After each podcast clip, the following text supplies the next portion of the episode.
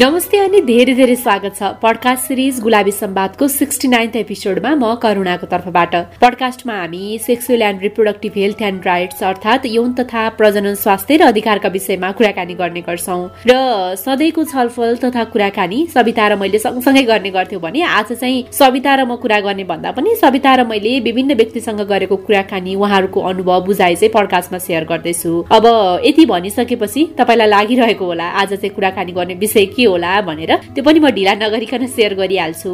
पछिल्लो केही समय यता यौन दुर्व्यवहार प्लस यो यौन हिंसाका घटना समाचारमा सामाजिक सञ्जालमा एकदमै धेरै सुनिएको छ। हुन त नेपाल प्रहरीमा हरेक दिन जस्तो यस्ता घटना विरुद्ध उजुरी नपर्ने चाहिँ होइन। त्यसैले यही विषयमा रहेर आज कुराकानी गर्दैछौ। हुन त हामीले पडकास्टको एपिसोड आठदेखि चौधसम्मका एपिसोडमा यो विषयमा डिटेलमा कुराकानी गरेका छौँ। तर पछिल्लो समय हेर्ने हो भने यौन दुर्व्यवहार तथा हिंसाका घटना एकदमै धेरै सुनिएको छ। सामाजिक सञ्जालमा पनि एकदमै धेरैजनाले आफ्नो कन्फेसनहरू सेयर गरिराख्नु भएको देखेर ती सबै एपिसोडमा हामीले सेयर गरेका कुराकानी चाहिँ आज छोटकरीमा सेयर गर्दैछौ। र सुरुवात चाहिँ यौन दुर्व्यवहार भनेकै के हो भन्नेबाट गर्नुपर्छ होला। यौन दुर्व्यवहार भन्नाले कुनै पनि व्यक्तिलाई उसको इच्छा र उसको अनुमति बिना जिस्काउने असहज हुने गरी हेर्ने बोल्ने वा छुने अनि यौन आशय झल्किने खालका चाहिँ बानी व्यवहारहरू देखाउने र यति मात्र नभइकन संवेदनशील अङ्गहरूमा चाहिँ छुने वा छुने प्रयास गर्ने व्यक्तिको शारीरिक हाउभाउ बोली आदिलाई लिएर चाहिँ नराम्रा खालका टिप्पणीहरू गर्ने जस्ता घटना पनि यौन दुर्व्यवहार नै हुन्। अनि यदि कसैले कोही व्यक्तिलाई चाहिँ साङ्केतिक रूपमा वा भनौँ चाहिँ विद्युतीय माध्यमको प्रयोग गरेर अझ भनौँ न हामीले अझ इन्टरनेटको प्रयोग गरेर न्याकेट फोटोहरू पठाउने या चाहिँ पठाउनको लागि फोर्स गर्ने अश्लील फोटो देखाएर यौन आशयले जिस्काउँछ भने त्यसलाई पनि यौन दुर्व्यवहार भन्ने गरिन्छ। र यस्तो प्रकारका दुर्व्यवहार महिलाले मात्रै भोग्छन् भन्ने चाहिँ हुँदैन। महिला सँगसँगै पुरुष यौनिक तथा लैङ्गिक अल्पसंख्यक व्यक्ति जो कोहीले पनि यौन दुर्व्यवहार चाहिँ भोग्न सक्छन्। तर यस्ता दुर्व्यवहार को कोले गर्न सक्छन् कहाँ कहाँ गर्न सक्छन् भनेर चाहिँ हामी धेरैलाई थाहा नहुन सक्छ।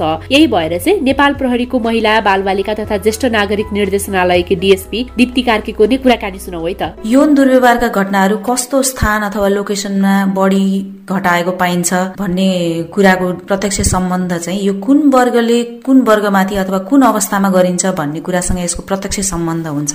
यौन दुर्व्यवहारको घटनामा चाहिँ अधिकांश अवस्थामा बलियोले निर्दोमाथि गरिने चाहिँ यो अपराध हो। यहाँ बलियो भन्नाले चाहिँ फिजिकल्ली मात्र नभएर अन्य विभिन्न किसिमले चाहिँ पीडित भन्दा शक्तिशाली अवस्थामा अथवा पावरफुल पोजिसनमा आर्थिक रूपले हुन सक्ला मनोवैज्ञानिक शारीरिक आदि हिसाबले चाहिँ पीडित भन्दा डोमिनेटिङ पोजिसनमा अथवा उसलाई दबाउन सक्ने अवस्थामा भएको व्यक्तिले चाहिँ यस्तो घटनाहरू घटाउने गर्छन्। त्यसैले यस्तो घटना घटाउनको लागि चाहिँ जस्तो पनि स्थान चाहिँ चुज गर्न सक्छ। यसको कुनै स्पेसिफिक लोकेसन हुँदैन। घरभित्र हुन सक्छ बाहिर सवारी साधनमा स्कुलमा कार्यालयमा जहाँ पनि हुन सक्छ तर विशेष गरी चाहिँ यस्ता स्थानहरू चाहिँ छनौट गरिन्छ जहाँ पीडितलाई डोमिनेट गर्न सकोस्। जस्तै कि एकान्त ठाउँ भयो अर्को व्यक्तिले चाहिँ अप्रोच गर्न नसक्ने ठाउँहरू पीडितको आवाज आएको सुन्न उसले कुनै प्रतिवाद गर्यो करायो भन्ने कसैले सुन्न नसक्ने खालको एकनासे ठाउँहरू। अब घरभित्रै पनि यस्ता घटनाहरू भएको पनि धेरै उदाहरणहरू चाहिँ छन्। अब अहिलेको कुरा गर्ने हो भने त सेक्सुअल हरासमेन्ट चाहिँ अनलाइन अथवा भर्चुअली पनि भइरहेको धेरै घटनाहरू छ होइन? हाम्रो तथ्याङ्क अनुसार अनलाइन हरासमेन्टको नाइन्टी पर्सेन्ट केसहरूमा चाहिँ महिला र बालिका पीडित भएको हामीले पाएका छौँ। अब प्रहरीमा कस्ता खालका यौन दुर्व्यवहारका घटनाहरू चाहिँ दर्ता हुन्छन् भन्ने कुरा गर्दाखेरि प्रहरीमा चाहिँ वर्षभरिमा जति पनि मुद्दाहरू चाहिँ प्रहरीले दर्ता गर्छ त्यसमा लगभग बिस प्रतिशत जस्ता मुद्दाहरू चाहिँ प्रत्यक्ष रूपमा महिला तथा बालबालिका विरुद्धका मुद्दाहरू चाहिँ हुने गरेका छन्। त्यसमा पनि अब लैङ्गिक हिंसाका मुद्दाहरू मध्ये पनि घरेलु हिंसापछि सबैभन्दा बढी यौन हिंसाका घटनाहरू जस्तै रेप अटेम्प टु रेपका घटनाहरू चाहिँ प्रहरीमा वर्षेनी दर्ता हुने गर्छन्। पीडितको कुरा गर्दाखेरि चाहिँ यौन दुर्व्यवहारको घटनाहरूमा चाहिँ कानूनले पीडित महिला पुरुष दुवै हुन सक्ने परिकल्पना गरेको भए तापनि तथ्याङ्कको आधारमा भन्ने हो भने नब्बे प्रतिशत हामी कहाँ दर्ता हुने नब्बे प्रतिशत यौन दुर्व्यवहारका घटनाहरूमा चाहिँ पीडित महिला र बालिका नै हुने गरेको चाहिँ हामीले पाएका छौँ भने पन्चानब्बे प्रतिशत पीड़क चाहिँ पुरुष र बालकहरू तथ्याङ्कको आधारमा देखिन्छ।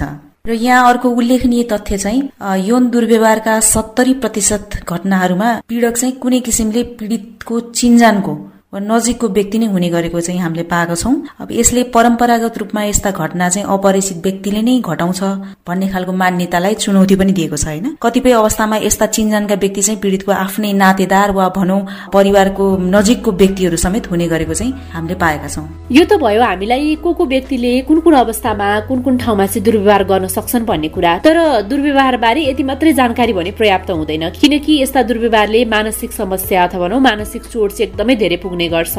र कतिपय अवस्थामा आफ्ना बालबालिका छोराछोरी चाहिँ दुर्व्यवहारमा परेकै कुरा पनि थाहा पाउन सकिएको हुँदैन। त्यसैले मनोविद करुणा कुँवरसँग यौन दुर्व्यवहारले पार्ने मानसिक समस्या र आफ्नो बालबालिकाले दुर्व्यवहार फेस गरिरहेका छन् भनेर कसरी थाहा पाउने भनेर कुरा गरेका थियौँ। उहाँको कुरा सुनौ है त। धेरै खालको मनोसामाजिक असरहरू उहाँहरूमा तत्कालै आउने गर्छ। ममा पनि केही त्रुटि थियो कि भन्ने खालको ग्लानीहरू पनि आउने गर्छ। किनभने त्यसमा पर्दाखेरि चाहिँ मैले चाहिँ केही गर्न सकिनँ या मैले आफूलाई नै सुरक्षा दिन सकिनँ भन्ने खालको ग्लानी हुने आफैले आफैलाई चाहिँ गाली गर्ने रिसाउने होइन?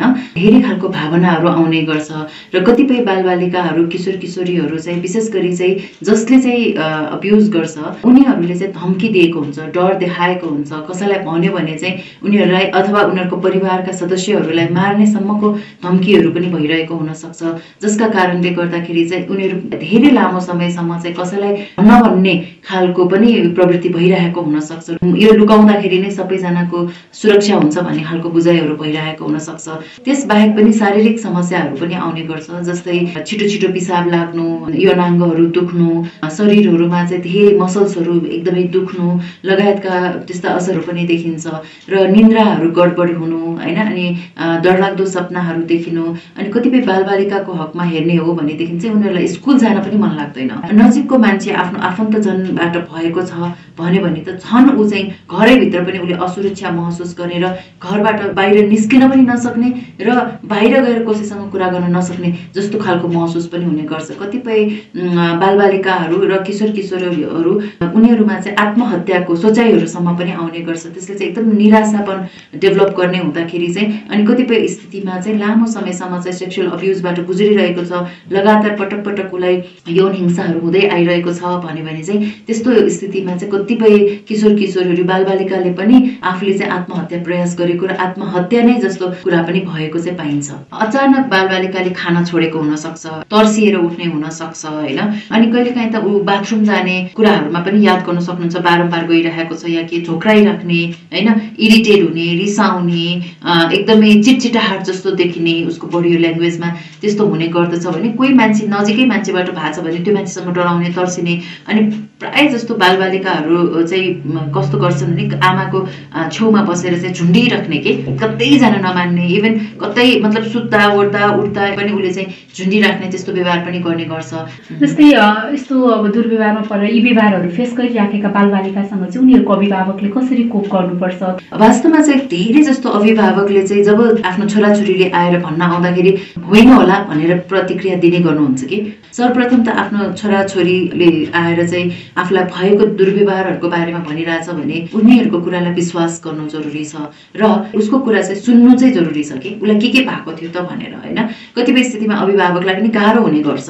किनभने आफ्नो छोराछोरीलाई भएको कुरा सुन्दाखेरि एकदमै नमजा लाग्नु अप्ठ्यारो हुनु र जसले त त्यो दुर्व्यवहार गरेको छ ऊ प्रति नै होइन गएर चाहिँ जाइ लाग्न थाल्नु त्यो चाहिँ हुने स्वाभाविक नै हुन्छ। तर उसको कुरा सुनेर अनि उचित उसलाई चाहिँ कसरी चाहिँ सुरक्षित राखिकन चाहिँ उजुरीहरू गर्ने भन्ने कुराहरू पनि गर्नु जरुरी छ। उहाँले भन्नुभयो जस्तै यौन दुर्व्यवहारका घटनाले हामीलाई एकदमै धेरै मानसिक चोट पुर्याउँछ। तर यौन दुर्व्यवहारका बारेमा कुरा गरिरहँदाखेरि यसको कानुनी कुराहरू पनि थाहा पाउन चाहिँ उत्तिकै आवश्यक हुन्छ। किनकि कतिपय अवस्थामा हामीलाई आफू दुर्व्यवहारमा परिरहेको छु भन्ने थाहा हुँदा हुँदै पनि कानुनी कदम नै चाल्न सक्दैनौ। अझ कतिलाई त कानुनको सहारा लिँदा उल्टै आफ्नो बदनाम हुन्छ कि भन्ने डर पनि एकदमै धेरै हुन्छ। त्यसैले यौन दुर्व्यवहारसँग सम्बन्धित कानुनी व्यवस्थाको बारेमा जिल्ला सरकारी वकिल कार्यालय रोल्पाका जिल्ला न्यायाधिवक्ता नुमराज खनालसँग गरेको कुराकानी नै सुनाउँछु। यौन दुर्व्यवहारका विरुद्धमा केही कानुनी व्यवस्थाहरू हाम्रा सन्दर्भमा रहेका छन्। पहिलो कुरा यो मुलुकी अपराध संहिता दुई हजार चौहत्तर जुन एउटा संहिताबद्ध कानूनको रूपमा आयो त्यो कानूनले चाहिँ यौन दुर्व्यवहारका सम्बन्धमा केही कानुनी व्यवस्थाहरू गरेको छ। उक्त संहिताको दफा दुई सय चौबिसमा यहाँले हेर्नुभयो भने यौन दुर्व्यवहार गर्न नहुने भनेर कानुनी व्यवस्था गरिएको छ। र के भयो भने यौन दुर्व्यवहार हुन्छ त भन्ने सन्दर्भमा हेर्दाखेरि आशयका करणीले कुनै महिलालाई समातेमा निजको संवेदनशील अङ्ग छोएमा छुने प्रयास गरेमा निजको भित्री पोसाक खोलेमा खोल्ने किसिमले बाधा अवरोधहरू गरेमा निजलाई अस्वाभाविक रूपमा एकान्त ठाउँमा लगेमा यौन सम्बन्धी आफ्नो लिङ्ग निजलाई छुन लगाउने समाउन लगाउने निजसँग अश्लील र यौनका आशयले कुनै व्यवहार गरेमा चाहिँ त्यो यौन दुर्व्यवहार हुन्छ भन्ने कानुनी व्यवस्था रहेको छ। त्यसै गरी सोही संहिताको दफा दुई सय पच्चिसमा बाल यौन दुरुपयोगको कुरा छ। यही कार्य बालबालिकासँग गरियो अर्थात् अठार वर्षभन्दा कम उमेर पुगेको व्यक्तिसँग गरियो भने बाल यौन दुरुपयोग हुने कानुनी व्यवस्था रहेको छ। यी दुवै कसुरमा तीन वर्षसम्म कैद सजाय हुन सक्ने र तीस हजार रुपियाँसम्म जरिमाना हुन सक्ने कानुनी व्यवस्था रहेको छ। यसको उपचारको सन्दर्भमा चाहिँ केही फरक कानुनी व्यवस्थाहरू रहेका छन्। अठार वर्ष उमेर पूरा भएको मानिसको हकमा चाहिँ यौन दुर्व्यवहार भयो भने पीडित व्यक्तिले आफै न्याय माग्न जानुपर्दछ। अर्थात् पीडित व्यक्ति स्वयं मुद्दा लिएर अर्थात् फिरात पत्र लिएर चाहिँ अदालत समक्ष न्याय माग्नका लागि जानुपर्दछ। र यही कसुर चाहिँ बालबालिकाको अग्निशमा भयो। अठार वर्ष उमेर नपुगेको मानिसको हकमा भयो भने त्यो चाहिँ सरकारवादी फौजदारी मुद्दाका रूपमा रहन्छ। र त्यसको हकमा पीडित अथवा पीडितको नजिकको नातेदार अथवा सो कसुर भएको थाहा पाउने कुनै व्यक्तिले नजिकको प्रहरी कार्यालयमा गएर यसको जाहेरी दरखास्त अर्थात् अपराधको सूचना दर्ता गर्नुपर्ने हुन्छ र प्रहरी कार्यालयमा यसरी अपराधको सूचना दर्ता भइसकेपछि त्यस कसुरका सम्बन्धमा चाहिँ थप अनुसन्धानको कार्य अभियोजनको कार्य र प्रतिरक्षाको कार्य नेपाल सरकारका तर्फबाट हुन्छ र पीडितलाई न्यायको अनुभूति हुने गरी क्षतिपूर्ति समेतको व्यवस्था र पीडकलाई चाहिँ दण्ड जरिमानाका लागि चाहिँ आवश्यक कारवाही अगाडि बढ्न सक्ने अवस्था रहन्छ। त्यसै गरी अब यो यौन दुर्व्यवहारका सम्बन्धमा हामीसँग बालबालिका सम्बन्धी ऐन दुई हजार पचहत्तरमा पनि केही कानुनी व्यवस्थाहरू रहेको छ। बालबालिका सम्बन्धी ऐन दुई हजार पचहत्तरको दफा छ्यासठीमा चाहिँ बालबालिका विरुद्धको कसुर भनेर डिफाइन गरिएको छ। त्यसको उपदफा तीनमा कसैले बालबालिका उप देहाय बमोजिमको कार्य गर्यो भने त्यो बाल यौन दुर्व्यवहार गरेको ठहर छ भन्ने व्यवस्था रहेको छ।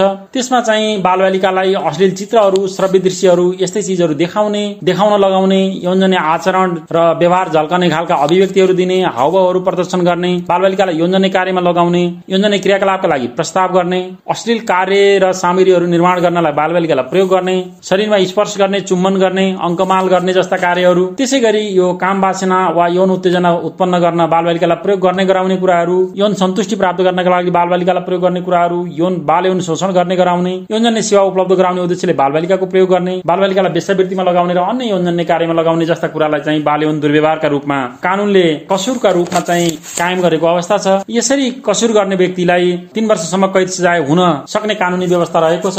त्यसका लागि पीडित व्यक्तिले अथवा पीडितको नजिकको पीडितमाथि यो कसुर भइरहेको छ भनेर थाहा पाउने व्यक्तिले नजिकको प्रहरी कार्यालयमा गएर जाहेरी दरखास्तको दर्ता गर्नुपर्दछ र बाल यौन दुर्व्यवहारको मुद्दामा चाहिँ प्रहरीबाट अनुसन्धान हुने सरकारी वकिलबाट अभियोजन हुने र अदालतबाट त्यसमा चाहिँ न्याय निरूपण हुने खालको कानुनी व्यवस्था रहेको छ। यो त भयो यौन दुर्व्यवहारको बारेमा नेपालमा के कस्तो कानुनी व्यवस्था छ भनेर जानकारी। तर हामीले कानुनी प्रावधानको बारेमा जानकारी राखेर वा भनौँ आवश्यकता परेको बेलामा कानुनी सेवा लिनु मात्रै पनि पर्याप्त भने हुँदैन। सँगसँगै आफ्नो बालबालिकालाई आफ्ना छोराछोरीहरूलाई यौन दुर्व्यवहारका बारेमा चाहिँ कसरी बुझाउने भन्ने ज्ञान पनि उत्तिकै आवश्यक हुन्छ। आफ्ना बालबालिकालाई उमेर अनुसारको यौन शिक्षा दिँदै जानुपर्छ र सबैभन्दा महत्वपूर्ण कुरा भनेको राम्रो छुवाई र नराम्रो छुवाईको बारेमा चाहिँ सिकाउन आवश्यक छ र यदि कसैले उनीहरूलाई चाहिँ नराम्रो तरिकाले छोएको छ भने त्यसको विरुद्धमा बोल्न वा तुरन्त एक्सन लिनलाई पनि आफ्नो बालबालिकालाई चाहिँ प्रोत्साहन गर्नुपर्छ भन्दै आजको लागि भने बिदा माग्ने बेला भइसकेको छ। बिदा माग्नु अघि हामीसँग कनेक्ट हुने विभिन्न ठेगाना बनिहाल्छु। हाम्रो इमेल ठेगाना छ Gulabi Sambad at Gmail dot com अथवा हाम्रो चाहिँ social media Facebook Instagram Twitter TikTok र युट्युबमा हामीलाई गुलाबी सम्वाद सर्च गरेर यहाँले भेट्न सक्नुहुन्छ। त्यहाँ पनि हामी प्रत्यक्ष रूपमा छलफल गर्न सक्छौ। त्यस्तै तपाईँले हाम्रो कार्यक्रम तथा किशोर किशोरीले लेख्नुभएका गुलाबी उमेरका गुलाबी बोगाई हाम्रो website W dot Gulabi Sambad dot com र हाम्रो blog W dot Gulabi Sambad dot blogspot dot कममा पनि प्रकाशित छन्। ती सामग्री पनि तपाईँले पढ्न सक्नुहुनेछ र तपाईँका पनि त्यस्तै अनुभव छन् भने हामीलाई लेखेर वा रेकर्ड गरेर पठाउन सक्नुहुनेछ। र podcast series Gulabi Sambad anchor dot एफएममा गएर Gulabi Sambad teen talk search गरेर वा हाम्रो पात्रो भन्ने एपको चाहिँ अडियो फिचर्समा गएर गुलाबी सम्वाद सर्च गरेर हाम्रो नयाँ तथा पुरानो एपिसोड पनि तपाईँले सुन्न सक्नुहुनेछ। र जाँदा जाँदै एउटा गुड न्युज पनि दिइहाल्न मन लाग्यो। होलेरी रोल्पाको सामुदायिक रेडियो सुनसहरी एफएम एक सय एक दशमलव पाँच मेगाहरबाट शनिबार साँझ सात बजेदेखि हाम्रो पडकास्ट गुलाबी सम्वाद प्रसारण भइरहेको छ। पडकास्ट प्रसारण गरिदिनु भएकोमा धेरै धेरै धन्यवाद। र यो सँगसँगै देशभरिका विभिन्न चालिसवटा स्थानीय रेडियो स्टेशनबाट पनि हप्तैभरि विभिन्न समयमा पडकास्ट गुलाबी सम्वाद प्रसारण भइरहेको छ। आफूलाई पाएक पर्ने स्थानीय रेडियो स्टेशन वा त आफूलाई पाएक पर्ने अनलाइन प्लेटफर्म मार्फत हामीलाई सुन्दै गर्नुहोला भन्दै आजका लागि पडकास्ट सिरिज गुलाबी सम्वादको सिक्सटी नाइन्थ एपिसोडबाट म करुणा विदा माग्छु। नमस्ते। अर्को श्रृङ्खलामा पुनः भेट्नेछौँ।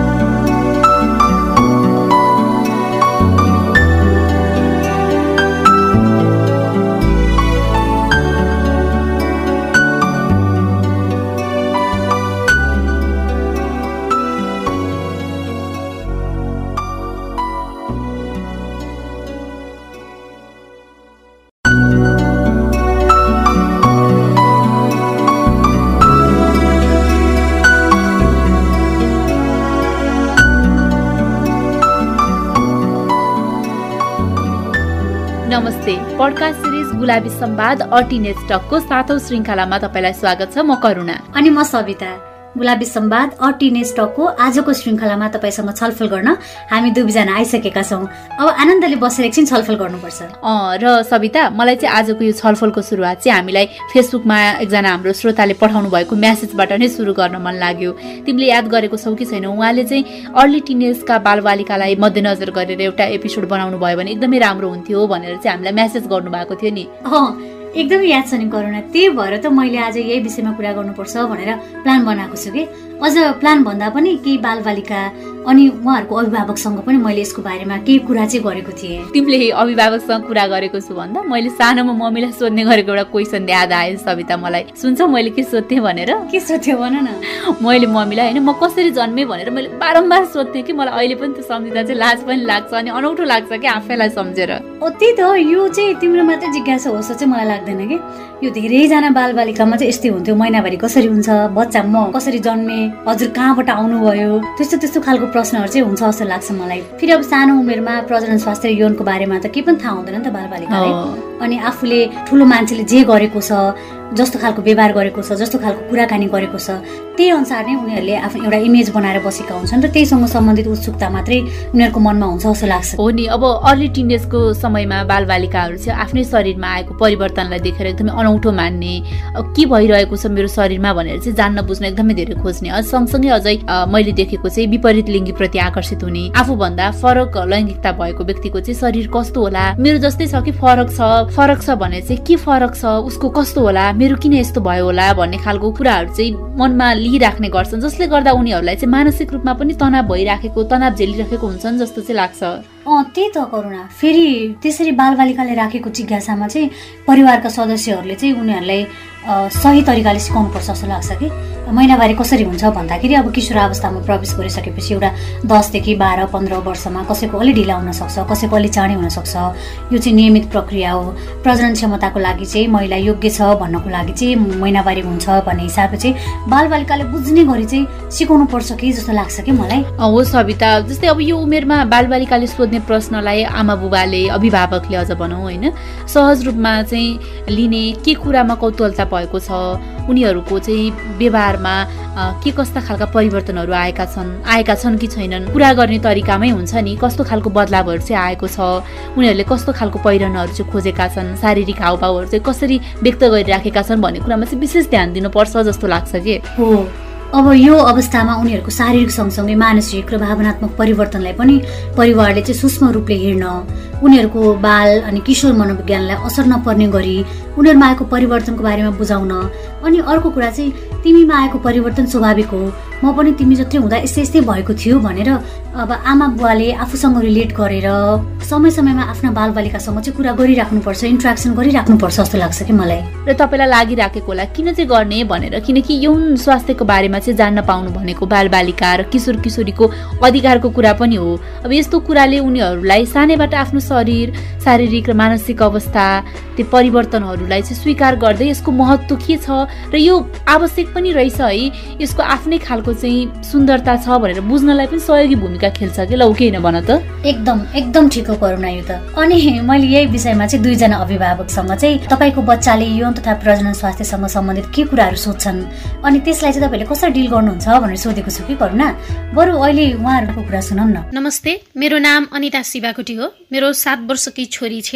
छोरीले कहिले काहीँ बसिराखेको बेलामा अनौठो अनौठो क्वेसनहरू सोधिराखेकै हुन्छ मलाई। जस्तै हामीले लगाउने प्याडहरू देखेर मम्मी यो के हो? कसरी लगाउने? किन हजुरले राखेको भनेर सोधिराखेको हुन्छ त्यस्तो क्वेसनहरू सुन्दाखेरि चाहिँ अब कसरी बुझाउने होला उसलाई भन्ने खालको लागिराखेको हुन्छ। त्यसको उत्तर कसरी दिने भनेर एकछिन चाहिँ सोचमग्न भइन्छ। तर पनि मैले उसलाई चाहिँ सकेसम्म यो चाहिँ ठुलो मान्छेहरूले लगाउने डाइपर हो। जस्तो बच्चाहरूलाई सुसु आउँदाखेरि बाहिर नजाओस् भन्नका लागि हामीले जसरी सानो बच्चाहरूलाई डाइपर लगाइदिन्छौँ त्यसरी नै ठुलो मान्छेहरूले पनि कहिलेकाहीँ हुनसक्छ त्यो भएको भएर सुसुहरू आउन सक्छ भनेर यसरी लगाइदिने लगाइन्छ। अनि यो चाहिँ ठुलो मान्छेहरूको लागि हो बच्चाहरूको लागि होइन भनेर त्यसरी म बुझाइदिने गर्छु। नमस्ते म सङ्गीता आचार्य। मैले मेरो छोरीलाई यौन तथा प्रजनन स्वास्थ्य सम्बन्धीका कुराहरू उसको उमेर अनुसार बुझाउने प्रयास गर्छु। छोरीको उमेर अहिले एघार वर्षको छ। यो उमेर भनेको उनीहरूलाई आफ्नै शारीरिक विकासप्रति अचम्म लाग्ने डर लाग्ने हुने उमेर हो। त्यसैले यी अचम्म र डरहरूका जिज्ञासालाई म उसको साथी बनेर सिकाउने प्रयास गर्छु। अहिले तत्काल पनि उसलाई अचम्मको जिज्ञासा आउने गर्छ। स्तनहरू बढ्ने हुँदा अनि महिनावारीका कुरा दिदीहरूले गरेको सुन्दा अब मेरो पनि उमेर भएछ है भन्ने कुरा अनि मैले उसलाई भन्छु अब तिम्रो महिनावारी हुने पनि बेला भइसकेको छ छोरी भन्दा उसले भन्छ महिनावारी भनेको के हो भन्दा मैले महिनावारीको बारेमा उसलाई राम्रोसँग सिकाइ सिकाएको छु। अब उसलाई यदि महिनावारी भयो भने पनि उसलाई अनौठो डर फिल हुँदैन। मामु अब मैले प्याड कसरी लगाउने भनेर बोल्न सक्ने भइसकेकी छु। नमस्ते म कला एक सन्तानकी आमा। यौन तथा प्रजनन स्वास्थ्य आफैमा एक गम्भीर विषय हो जस्तो मलाई लाग्छ। मेरो साढे तिन वर्षको बाबुले प्राय सोधिरहने प्रश्नमा म कहाँबाट जन्मेको मलाई किन जन्माएको हाम्रो टाउको किन गोलो हुन्छ? हजुरले कहाँबाट सुसु गर्नुहुन्छ? आदि आदि। यस्ता प्रश्नको उत्तर दिन एकदमै कठिन हुन्छ।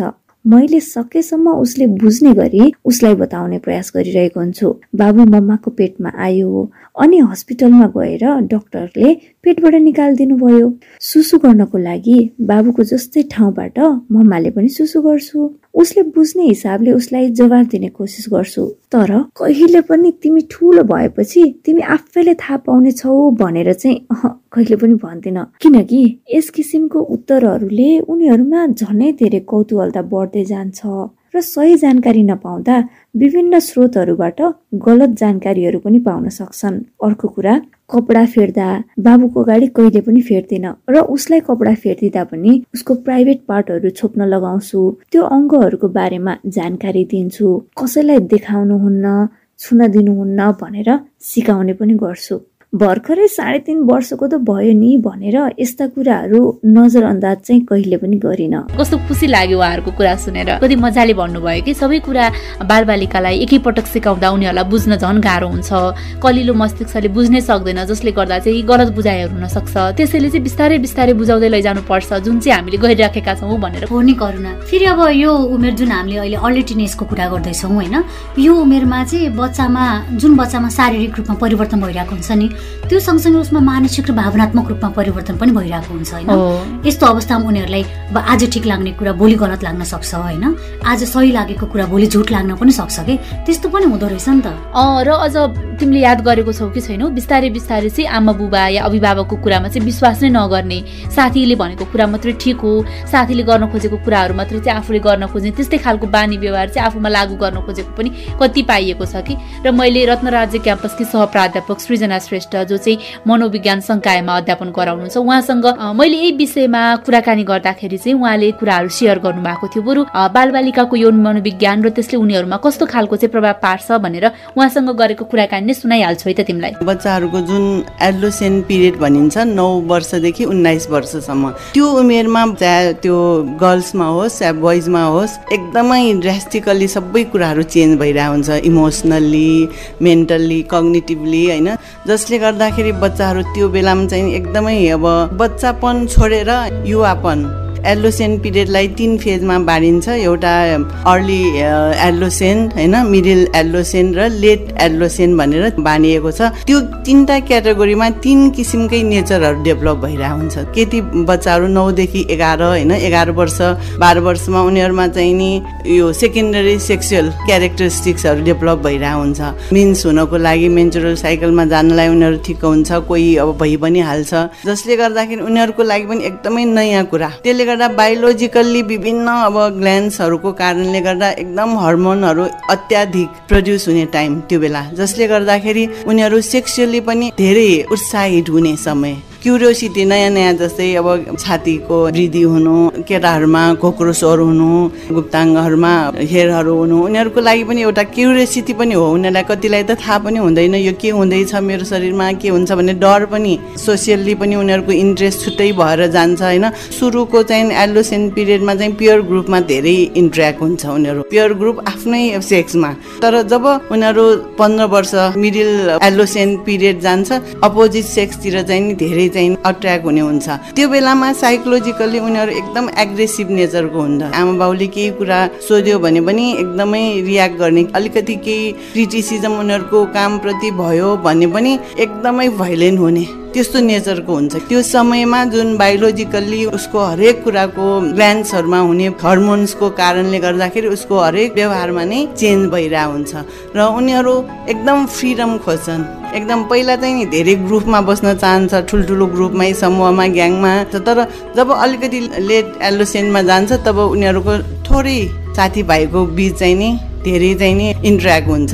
दुई चारजना अथवा कोही एकैजनासँग आफ्नो नेचर हेरिकन होइन? र उनीहरूसँग धेरै समय बिताउन चाहन्छ।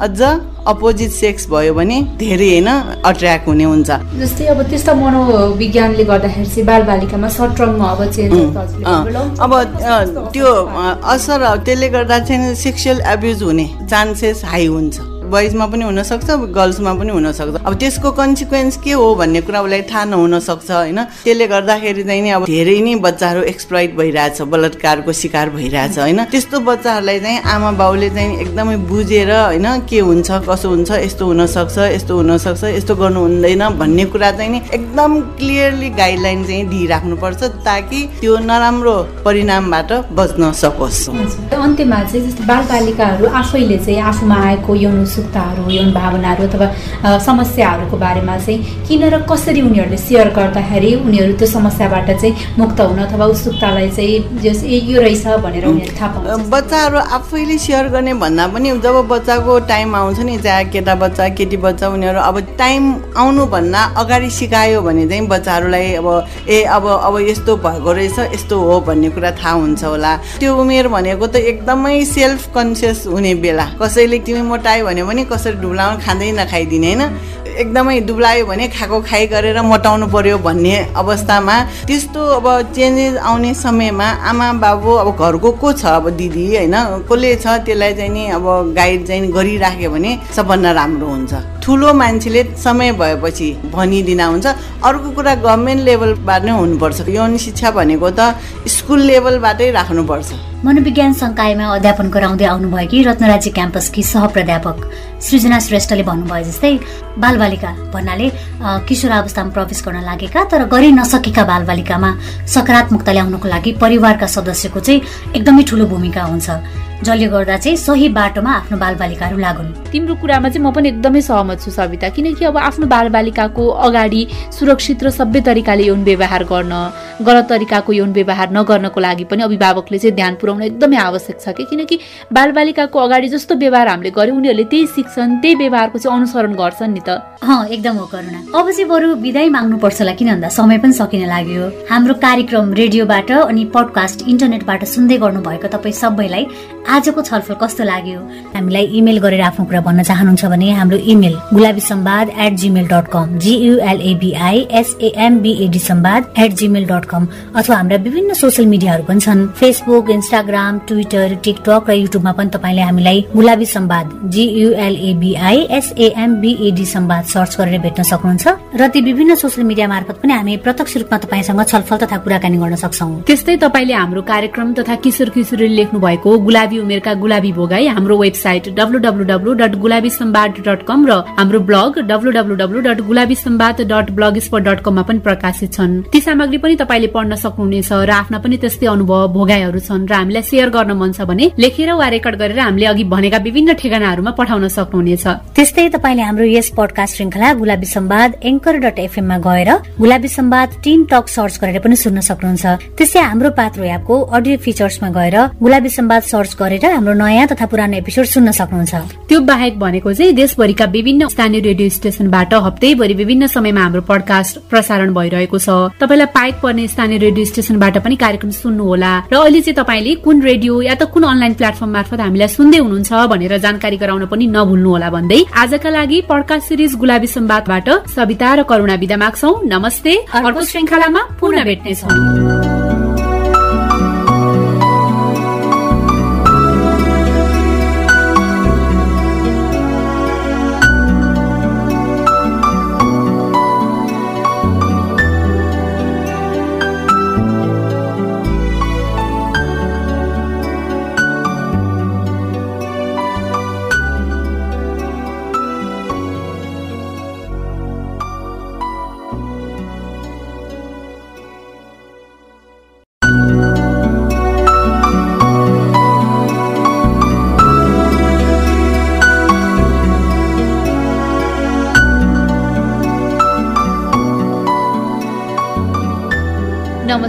पडकास्ट सिरिज गुलाबी सम्वाद अटिनेज टकको सातौं श्रृङ्खलामा तपाईँलाई स्वागत छ म करुणा। अनि म सविता। गुलाबी सम्वाद अटिने स्टकको आजको श्रृङ्खलामा तपाईँसँग छलफल गर्न हामी दुईजना आइसकेका छौँ। अब आनन्दले बसेर एकछिन छलफल गर्नुपर्छ। र सविता मलाई चाहिँ आजको यो छलफलको सुरुवात चाहिँ हामीलाई फेसबुकमा एकजना हाम्रो श्रोताले पठाउनु भएको म्यासेजबाट नै सुरु गर्न मन लाग्यो। तिमीले याद गरेको छौ कि छैन? उहाँले चाहिँ अर्ली टिनेजका बालबालिकालाई मध्यनजर गरेर एउटा एपिसोड बनाउनु भयो भने एकदमै राम्रो हुन्थ्यो भनेर चाहिँ हामीलाई म्यासेज गर्नुभएको थियो नि। एकदमै याद छ नि करुणा त्यही भएर त मैले आज यही विषयमा कुरा गर्नुपर्छ भनेर प्लान बनाएको छु कि।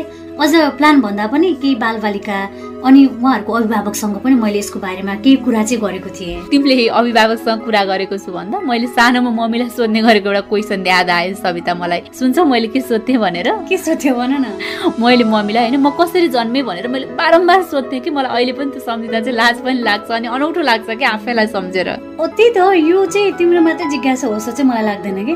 यो धेरैजना बालबालिकामा चाहिँ यस्तै हुन्थ्यो महिनाभरि कसरी हुन्छ बच्चा म कसरी जन्मेँ हजुर कहाँबाट आउनुभयो? त्यस्तो त्यस्तो खालको प्रश्नहरू चाहिँ हुन्छ जस्तो लाग्छ मलाई। फेरि अब सानो उमेरमा प्रजनन स्वास्थ्य यौनको बारेमा त केही पनि थाहा हुँदैन नि त बालबालिकाले।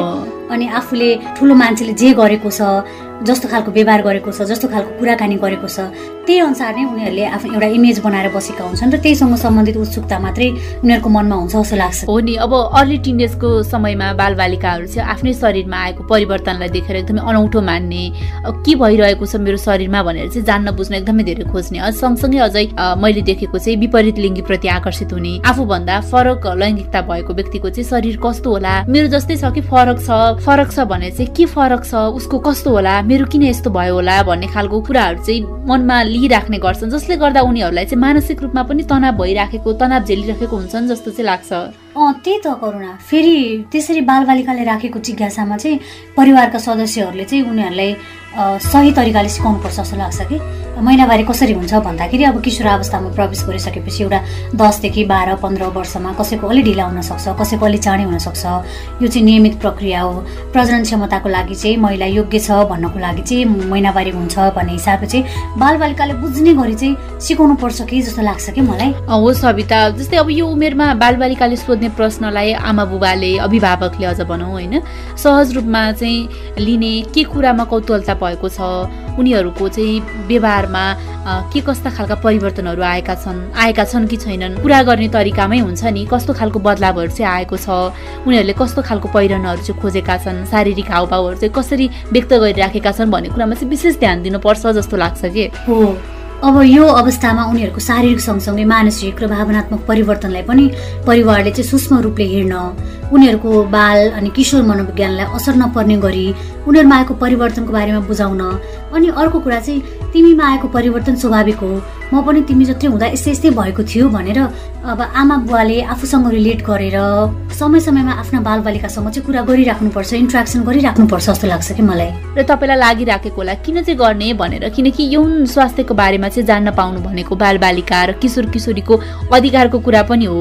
अब यस्तो कुराले उनीहरूलाई सानैबाट आफ्नो शरीर शारीरिक र मानसिक अवस्था त्यो परिवर्तनहरूलाई चाहिँ स्वीकार गर्दै यसको महत्त्व के छ र यो आवश्यक पनि रहेछ है? यसको आफ्नै खालको चाहिँ सुन्दरता छ भनेर बुझ्नलाई पनि सहयोगी भूमिका खेल्छ कि? लौ के भन त। एकदम एकदम ठिक हो करुणा यो त। अनि मैले यही विषयमा चाहिँ दुईजना अभिभावकसँग चाहिँ तपाईँको बच्चाले यौन तथा प्रजनन स्वास्थ्यसँग सम्बन्धित के कुराहरू सोध्छन्? अनि त्यसलाई चाहिँ तपाईँले कसरी डिल गर्नुहुन्छ भनेर सोधेको छु कि करुणा? बरु अहिले उहाँहरूको कुरा सुनौ न। नमस्ते मेरो नाम अनिता शिवाकोटी हो। मेरो सात वर्षकी छोरी छ। छोरीले कहिले काहीँ बसिराखेको बेलामा अनौठो अनौठो क्वेसनहरू सोधिराखेकै हुन्छ मलाई। जस्तै हामीले लगाउने प्याडहरू देखेर मम्मी यो के हो? कसरी लगाउने? किन हजुरले राखेको भनेर सोधिराखेको हुन्छ त्यस्तो क्वेसनहरू सुन्दाखेरि चाहिँ अब कसरी बुझाउने होला उसलाई भन्ने खालको लागिराखेको हुन्छ। त्यसको उत्तर कसरी दिने भनेर एकछिन चाहिँ सोचमग्न भइन्छ। तर पनि मैले उसलाई चाहिँ सकेसम्म यो चाहिँ ठुलो मान्छेहरूले लगाउने डाइपर हो। जस्तो बच्चाहरूलाई सुसु आउँदाखेरि बाहिर नजाओस् भन्नका लागि हामीले जसरी सानो बच्चाहरूलाई डाइपर लगाइदिन्छौँ त्यसरी नै ठुलो मान्छेहरूले पनि कहिलेकाहीँ हुनसक्छ त्यो भएको भएर सुसुहरू आउन सक्छ भनेर यसरी लगाइदिने लगाइन्छ। अनि यो चाहिँ ठुलो मान्छेहरूको लागि हो बच्चाहरूको लागि होइन भनेर त्यसरी म बुझाइदिने गर्छु। नमस्ते म सङ्गीता आचार्य। मैले मेरो छोरीलाई यौन तथा प्रजन स्वास्थ्य सम्बन्धीका कुराहरू उसको उमेर अनुसार बुझाउने प्रयास गर्छु। छोरीको उमेर अहिले एघार वर्षको छ। यो उमेर भनेको उनीहरूलाई आफ्नै शारीरिक विकासप्रति अचम्म लाग्ने डर लाग्ने हुने उमेर हो। त्यसैले यी अचम्म र डरहरूका जिज्ञासालाई म उसको साथी बनेर सिकाउने प्रयास गर्छु। अहिले तत्काल पनि उसलाई अचम्मको जिज्ञासा आउने गर्छ स्तनहरू बढ्ने हुँदा अनि महिनावारीका कुरा दिदीहरूले गरेको सुन्दा अब मेरो पनि उमेर भएछ है भन्ने कुरा। अनि मैले उसलाई भन्छु अब तिम्रो महिनावारी हुने पनि बेला भइसकेको छ छोरी भन्दा उसले भन्छ महिनावारी भनेको के हो भन्दा मैले महिनावारीको बारेमा उसलाई राम्रोसँग सिकाइ सिकाएको छु। अब उसलाई यदि महिनावारी भयो भने पनि उसलाई अनौठो डर फिल हुँदैन। मामु अब मैले प्याड कसरी लगाउने भनेर बोल्न सक्ने भइसकेकी छु। नमस्ते म कला एक सन्तानकी आमा। यौन तथा प्रजनन स्वास्थ्य आफैमा एक गम्भीर विषय हो जस्तो मलाई लाग्छ। मेरो साढे तिन वर्षको बाबुले प्राय सोधिरहने प्रश्नमा म कहाँबाट जन्मेको मलाई किन जन्माएको हाम्रो टाउको किन गोलो हुन्छ? हजुरले कहाँबाट सुसु गर्नुहुन्छ? आदि आदि। यस्ता प्रश्नको उत्तर दिन एकदमै कठिन हुन्छ। मैले सकेसम्म उसले बुझ्ने गरी उसलाई बताउने प्रयास गरिरहेको हुन्छु। बाबु मम्माको पेटमा आयो अनि हस्पिटलमा गएर डक्टरले पेटबाट निकालिदिनु भयो सुसु गर्नको लागि बाबुको जस्तै ठाउँबाट मम्माले पनि सुसु गर्छु। उसले बुझ्ने हिसाबले उसलाई जवाब दिने कोसिस गर्छु। तर कहिले पनि तिमी ठुलो भएपछि तिमी आफैले थाहा पाउने छौ भनेर चाहिँ कहिले पनि भन्दिन। किनकि यस किसिमको उत्तरहरूले उनीहरूमा झनै धेरै कौतूहलता बढ्दै जान्छ। र सही जानकारी नपाउँदा विभिन्न स्रोतहरूबाट गलत जानकारीहरू पनि पाउन सक्छन्। अर्को कुरा कपडा फेर्दा बाबुको गाडी कहिले पनि फेर्दिन र उसलाई कपडा फेरिदिँदा पनि उसको प्राइभेट पार्टहरू छोप्न लगाउँछु। त्यो अङ्गहरूको बारेमा जानकारी दिन्छु। कसैलाई देखाउनुहुन्न छुन दिनुहुन्न भनेर सिकाउने पनि गर्छु। भर्खरै साढे तिन वर्षको त भयो नि भनेर यस्ता कुराहरू नजरअन्दाज चाहिँ कहिले पनि गरिन। कस्तो खुसी लाग्यो उहाँहरूको कुरा सुनेर। कति मजाले भन्नुभयो कि सबै कुरा बालबालिकालाई एकैपटक सिकाउँदा उनीहरूलाई बुझ्न झन् गाह्रो हुन्छ। कलिलो मस्तिष्कले बुझ्नै सक्दैन जसले गर्दा चाहिँ गलत बुझाइहरू हुन सक्छ त्यसैले चाहिँ बिस्तारै बिस्तारै बुझाउँदै लैजानु पर्छ जुन चाहिँ हामीले गरिराखेका छौँ भनेर। हो नि करुणा। फेरि अब यो उमेर जुन हामीले अहिले अर्ली टिनेजको कुरा गर्दैछौँ होइन? यो उमेरमा चाहिँ बच्चामा जुन बच्चामा शारीरिक रूपमा परिवर्तन भइरहेको हुन्छ नि त्यो सँगसँगै उसमा मानसिक र भावनात्मक रूपमा परिवर्तन पनि भइरहेको हुन्छ होइन? यस्तो अवस्थामा उनीहरूलाई अब आज ठिक लाग्ने कुरा भोलि गलत लाग्न सक्छ होइन? आज सही लागेको कुरा भोलि झुट लाग्न पनि सक्छ कि? त्यस्तो पनि हुँदो रहेछ नि त। र अझ तिमीले याद गरेको छौ कि छैनौ? बिस्तारै बिस्तारै चाहिँ आमा बुबा या अभिभावकको कुरामा चाहिँ विश्वास नै नगर्ने साथीले भनेको कुरा मात्रै ठिक हो। साथीले गर्न खोजेको कुराहरू मात्रै चाहिँ आफूले गर्न खोज्ने त्यस्तै खालको बानी व्यवहार चाहिँ आफूमा लागू गर्न खोजेको पनि कति पाइएको छ कि? र मैले रत्नराज्य क्याम्पसकी सहप्राध्यापक सृजना श्रेष्ठ श्रेष्ठ जो चाहिँ मनोविज्ञान संकायमा अध्यापन गराउनुहुन्छ। उहाँसँग मैले यही विषयमा कुराकानी गर्दाखेरि चाहिँ उहाँले कुराहरू सेयर गर्नुभएको थियो। बरु बालबालिकाको यौन मनोविज्ञान र त्यसले उनीहरूमा कस्तो खालको चाहिँ प्रभाव पार्छ भनेर उहाँसँग गरेको कुराकानी नै सुनाइहाल्छु है त तिमीलाई। बच्चाहरूको जुन एडलोसेन पिरियड भनिन्छ नौ वर्षदेखि उन्नाइस वर्षसम्म त्यो उमेरमा चाहे त्यो गर्ल्समा होस् या बोइजमा होस् एकदमै ड्रेस्टिकल्ली सबै कुराहरू चेन्ज भइरहेको हुन्छ। इमोसनल्ली मेन्टल्ली कग्नेटिभली होइन? जसले गर्दाखेरि बच्चाहरू त्यो बेलामा चाहिँ एकदमै अब बच्चापन छोडेर युवापन एल्लोसेन पिरियडलाई तिन फेजमा बाँडिन्छ। एउटा अर्ली एल्लोसेन होइन मिडिल एल्लोसेन र लेट एल्लोसेन भनेर बाँडिएको छ। त्यो तिनवटा क्याटेगोरीमा तिन किसिमकै नेचरहरू डेभलप भइरहेको हुन्छ। केटी बच्चाहरू नौदेखि एघार होइन एघार वर्ष बाह्र वर्षमा उनीहरूमा चाहिँ नि यो सेकेन्डरी सेक्सुअल क्यारेक्टरिस्टिक्सहरू डेभलप भइरहेको हुन्छ। मिन्स हुनको लागि मेन्चुरल साइकलमा जानलाई उनीहरू ठिक हुन्छ कोही अब भइ पनि हाल्छ। जसले गर्दाखेरि उनीहरूको लागि पनि एकदमै नयाँ कुरा। त्यसले गर्दा बायोलोजिकल्ली विभिन्न अब ग्ल्यान्ड्सहरूको कारणले गर्दा एकदम हर्मोनहरू अत्याधिक प्रड्युस हुने टाइम त्यो बेला। जसले गर्दाखेरि उनीहरू सेक्सुअली पनि धेरै उत्साहित हुने समय। क्युरियोसिटी नयाँ नयाँ जस्तै अब छातीको वृद्धि हुनु केटाहरूमा खोक्रो स्वर हुनु गुप्ताङ्गहरूमा हेयरहरू हुनु उनीहरूको लागि पनि एउटा क्युरियोसिटी पनि हो। उनीहरूलाई कतिलाई त थाहा पनि हुँदैन यो के हुँदैछ मेरो शरीरमा के हुन्छ भन्ने डर पनि सोसियल्ली पनि उनीहरूको इन्ट्रेस्ट छुट्टै भएर जान्छ होइन? सुरुको चाहिँ एलोसेन पिरियडमा चाहिँ प्योर ग्रुपमा धेरै इन्ट्रेक्ट हुन्छ उनीहरू। प्योर ग्रुप आफ्नै सेक्समा। तर जब उनीहरू पन्ध्र वर्ष मिडिल एलोसेन पिरियड जान्छ अपोजिट सेक्सतिर चाहिँ धेरै चाहिँ अट्र्याक्ट हुने हुन्छ। त्यो बेलामा साइकोलोजिकल्ली उनीहरू एकदम एग्रेसिभ नेचरको हुन्छ आमा बाउले केही कुरा सोध्यो भने पनि एकदमै रियाक्ट गर्ने अलिकति केही क्रिटिसिजम उनीहरूको कामप्रति भयो भने पनि एकदमै भाइलेन्ट हुने। त्यस्तो नेचरको हुन्छ। त्यो समयमा जुन बायोलोजिकल्ली उसको हरेक कुराको ग्ल्यान्ड्सहरूमा हुने हर्मोन्सको कारणले गर्दाखेरि उसको हरेक व्यवहारमा नै चेन्ज भइरहेको हुन्छ। र उनीहरू एकदम फ्रिडम खोज्छन्। एकदम पहिला चाहिँ नि धेरै ग्रुपमा बस्न चाहन्छ ठुल्ठुलो ग्रुपमै समूहमा ग्याङमा। तर जब अलिकति लेट एलोसेन्टमा जान्छ तब उनीहरूको थोरै साथीभाइको बिच चाहिँ नि धेरै चाहिँ नि इन्ट्रेक्ट हुन्छ। दुई चारजना अथवा कोही एकैजनासँग आफ्नो नेचर हेरिकन होइन? र उनीहरूसँग धेरै समय बिताउन चाहन्छ। अझ अपोजिट सेक्स भयो भने धेरै होइन अट्र्याक्ट हुने हुन्छ। जस्तै अब त्यस्तो मनोविज्ञानले गर्दाखेरि चाहिँ बालबालिकामा सट्रङमा अब अब त्यो असर त्यसले गर्दा चाहिँ सेक्सुअल एब्युज हुने चान्सेस हाई हुन्छ। बोइजमा पनि हुनसक्छ गर्ल्समा पनि हुनसक्छ। अब त्यसको कन्सिक्वेन्स के हो भन्ने कुरा उसलाई थाहा नहुन सक्छ होइन? त्यसले गर्दाखेरि चाहिँ नि अब धेरै नै बच्चाहरू एक्सप्लोइट भइरहेछ बलात्कारको शिकार भइरहेछ होइन? त्यस्तो बच्चाहरूलाई चाहिँ आमा बाउले चाहिँ एकदमै बुझेर होइन के हुन्छ कसो हुन्छ यस्तो हुनसक्छ यस्तो हुनसक्छ यस्तो गर्नु हुँदैन भन्ने कुरा चाहिँ नि एकदम क्लियरली गाइडलाइन चाहिँ दिइराख्नुपर्छ ताकि त्यो नराम्रो परिणामबाट बच्न सकोस्। अन्त्यमा चाहिँ जस्तो बालबालिकाहरू आफैले चाहिँ आफूमा आएको यौन उत्सुकताहरू यौन भावनाहरू अथवा समस्याहरूको बारेमा चाहिँ किन र कसरी उनीहरूले सेयर गर्दाखेरि उनीहरू त्यो समस्याबाट चाहिँ मुक्त हुन अथवा उत्सुकतालाई चाहिँ यो रहेछ भनेर उनीहरू थाहा पाउँछ बच्चाहरू आफैले सेयर गर्ने भन्दा पनि जब बच्चाको टाइम आउँछ नि चाहे केटा बच्चा केटी बच्चा उनीहरू अब टाइम आउनुभन्दा अगाडि सिकायो भने चाहिँ बच्चाहरूलाई अब ए अब अब यस्तो भएको रहेछ यस्तो हो भन्ने कुरा थाहा हुन्छ होला। त्यो उमेर भनेको त एकदमै सेल्फ कन्सियस हुने बेला। कसैले तिमी मोटायो भने पनि कसरी डुब्लाउनु खाँदै नखाइदिने होइन? एकदमै दुब्लायो भने खाएको खाइ गरेर मोटाउनु पर्यो भन्ने अवस्थामा त्यस्तो अब चेन्जेस आउने समयमा आमा बाबु अब घरको को छ अब दिदी होइन? कसले छ त्यसलाई चाहिँ नि अब गाइड चाहिँ गरिराख्यो भने सबभन्दा राम्रो हुन्छ। ठुलो मान्छेले समय भएपछि भनिदिन हुन्छ। अर्को कुरा गभर्मेन्ट लेभलबाट नै हुनुपर्छ। यौन शिक्षा भनेको त स्कुल लेभलबाटै राख्नुपर्छ। मनोविज्ञान संकायमा अध्यापन गराउँदै आउनुभएकी रत्नराज्य क्याम्पसकी सहप्राध्यापक सृजना श्रेष्ठले भन्नुभयो जस्तै बालबालिका भन्नाले किशोर अवस्थामा प्रवेश गर्न लागेका तर गरि नसकेका बालबालिकामा सकारात्मकता ल्याउनको लागि परिवारका सदस्यको चाहिँ एकदमै ठुलो भूमिका हुन्छ। जसले गर्दा चाहिँ सही बाटोमा आफ्नो बालबालिकाहरू लागुन्। तिम्रो कुरामा चाहिँ म पनि एकदमै सहमत छु सविता। किनकि अब आफ्नो बालबालिकाको अगाडि सुरक्षित र सबै तरिकाले यौन व्यवहार गर्न गलत तरिकाको यौन व्यवहार नगर्नको लागि पनि अभिभावकले चाहिँ ध्यान पुर्याउन एकदमै आवश्यक छ कि? किनकि बालबालिकाको अगाडि जस्तो व्यवहार हामीले गर्यौँ उनीहरूले त्यही सिक्छन् त्यही व्यवहारको चाहिँ अनुसरण गर्छन् नि त। एकदम हो करुणा। अब चाहिँ बरु विदाय माग्नु पर्छ होला किन भन्दा समय पनि सकिन लाग्यो। हाम्रो कार्यक्रम रेडियोबाट अनि पडकास्ट इन्टरनेटबाट सुन्दै गर्नुभएको तपाईँ सबैलाई आजको छलफल कस्तो लाग्यो?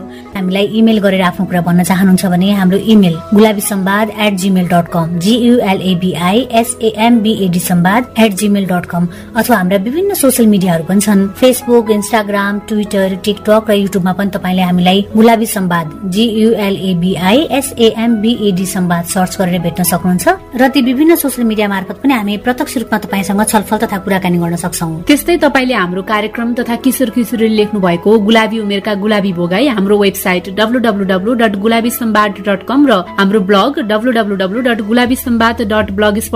पनि प्रकाशित छन्। ती सामग्री पनि तपाईँले पढ्न सक्नुहुनेछ र आफ्ना पनि त्यस्तै अनुभव भोगाईहरू छन् र हामीलाई सेयर गर्न मन छ भने लेखेर वा रेकर्ड गरेर हामीले अघि भनेका विभिन्न ठेगानाहरूमा पठाउन सक्नुहुनेछ। त्यस्तै तपाईँले हाम्रो यस पडकास्ट श्रृङ्खला गुलाबी सम्वाद एङ्कर डट एफएममा गएर Gulabi Sambad teen talk search गरेर पनि सुन्न सक्नुहुन्छ। त्यस्तै हाम्रो पात्रो एपको अडियो फिचर्समा गएर गुलाबी सम्वाद सर्च गरेर हाम्रो नयाँ तथा पुरानो एपिसोड सुन्न सक्नुहुन्छ।